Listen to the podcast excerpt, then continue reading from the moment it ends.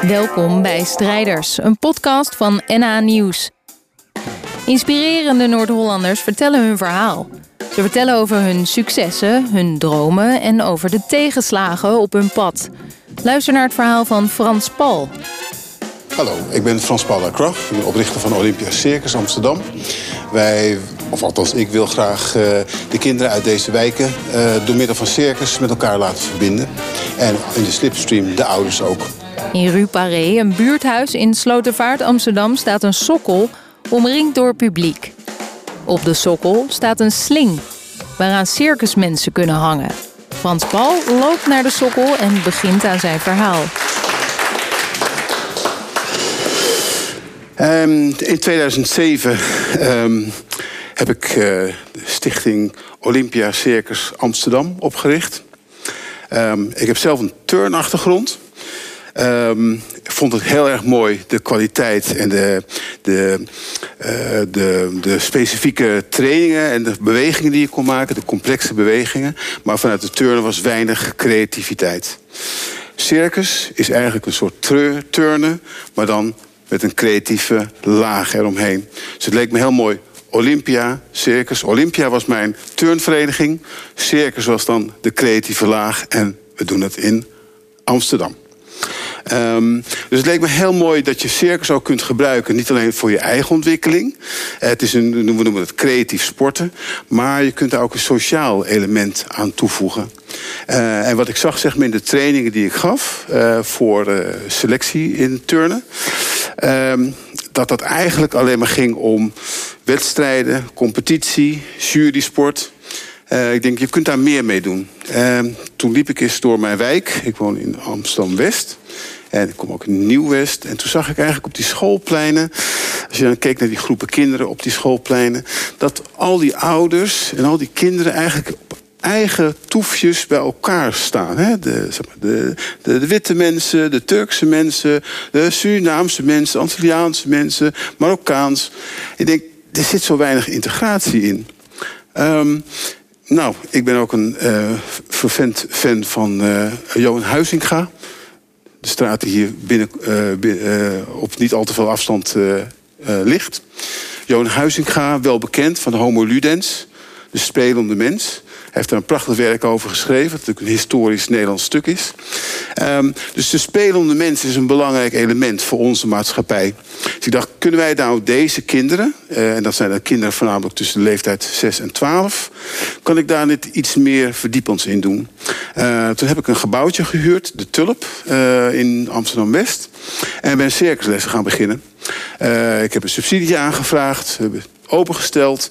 Ik had veel van mijn uh, kennis uit de turnwereld, ook uit de acrobatiekwereld. Gezegd, nou, we gaan hier iets heel leuks doen.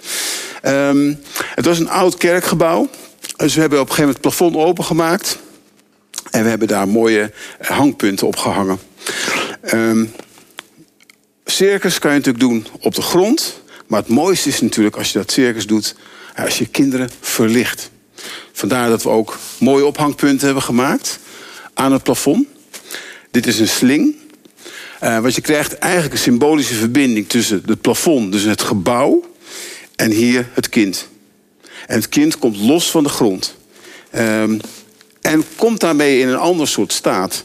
Uh, en wat we dan konden doen, um, is in de circuslessen de kinderen uh, creatief laten sporten. En elk element dat we altijd hebben toegepast, is ook die zelfpresentatie. En dat is iets wat je natuurlijk anders dan turnen heel goed kan doen met circus. Turnen doe je voor een jury. Er zijn maar drie zure mensen aan een tafeltje. Uh, en circus, dat doe je voor een publiek. Uh, dus wat kregen wij? We trainden met elkaar. We maakten allerlei acrobatiek en eenwielers, trampolinespringen aerials noemen we dat. Dus dat zijn van die doeken die in de lucht hangen. Heel mooi gekleurde doeken. Dan kan je omhoog klimmen. Spagaat in maken, salto's in maken. Dat ziet er geweldig uit. Het kind is ontzettend lekker aan het sporten. Um, maar je kan daarmee ook dit laten zien aan andere mensen. Uh, dus het element dat we altijd inbouwen is de show. Dus dan als we twee uur training geven, doen we het laatste half uur show. Dus kinderen trainen allemaal met elkaar. En alles zit dus door elkaar. Hè. We hebben een hele laagdrempelige entree gemaakt. 2 euro per keer. En dat konden we doen omdat we wat subsidie hadden. En dan krijg je dus Floortje met Alicia en Mohammed met Japi. En die gaan met elkaar allemaal dingen maken. De Trampoy Boys en de Aerial Girls. Dus dat is een ontzettend grappig eh, element wat daar dan ontstaat. En twee keer in het jaar maken we een grote show. Dan pakken we ook echt uit. Ik heb zelf acrobatiek verleden. We hebben veel optreden en shows gedaan. We weten hoe we dat moeten doen. Met laser, licht en spots. En nou, dat ziet er prachtig uit. We nodigen dan ook gewoon de hele buurt uit. Dus neefjes, nichtjes, ooms, tantes. Iedereen komt. Alles door elkaar. Hè? Dus uh, Turks, Marokkaans, Nederlands. Allemaal in het publiek. En al die kinderen gemêleerd. En dan de show. En dan is het zo, dan is dan de finale en dat zijn de artiesten. Groot applaus. En het publiek klapt. En je ziet die kinderen echt helemaal groeien. Het is zo goed voor het zelfbeeld van die kinderen. En voor al die kinderen. En het is raar dat je dat denkt dat dat misschien bij bepaalde uh, groepen behoort. Maar ook bijvoorbeeld heel veel Nederlandse kinderen merk je ook. Die hebben het ook niet altijd makkelijk. Dus voor elk kind is het belangrijk dat, het, dat je jezelf neer kan zetten. Dat je jezelf presenteert. En dat, je dat, dat het beloond wordt door middel van het applaus. En dat is een enorme boost voor het, voor het zelfbeeld van elk kind. En het zijn jonge kinderen, het zijn jonge kinderen die met elkaar dit hebben gedaan. In die integratie eigenlijk. Op een speelse wijze integreer je eigenlijk met elkaar. Het publiek praat na afloop met elkaar. De moeders en de ooms en de tantes. Dus het is één bruisende club van mensen die gewoon elkaar vinden in dit plezier van deze kinderen. Um, dus dat hebben wij eigenlijk uh, opgezet. Dat doe ik nu een aantal jaar. Vanaf 2007, dus dat is best wel een tijdje. Um, we doen dus de instuif, noemen we dat. Um, daarnaast hebben we ook de talentontwikkeling. Dus kinderen die meer willen, die kunnen de doorgroeien in het talententrainingsprogramma. Die krijgen drie keer in de week heel specifiek les. En met deze kinderen gaan we hele grote shows doen. Uh, een gasfabriek, opening van, van festivals of parken. En dat is natuurlijk ook prachtig om met, juist met deze jonge kinderen op dat niveau zeg maar, shows te geven. En als we dat hier in de buurt te doen, dan zie je al die kinderen op een Mercatorplein bij de opening bijvoorbeeld. Die zitten, oh, hé, hey, maar dat is mijn buurmeisje. Oh, die kan dat zo goed. Oh, dat is dus ook bereikbaar voor mij. En daarmee krijg je een soort hele intrinsieke uh, werking, een hele intrinsieke motivatie bij de kinderen. Dus dat vinden we heel mooi om te doen. We hebben uiteindelijk een eigen gebouw nu bij station Lelylaan. Dat doen we, hebben we samen met de Hogeschool voor de Kunsten. Omdat wij ook nu met vier partners dat gebouw doen. Daar zit uh, eigenlijk al het topniveau. Dat is zijn companies, circus companies, New Circus.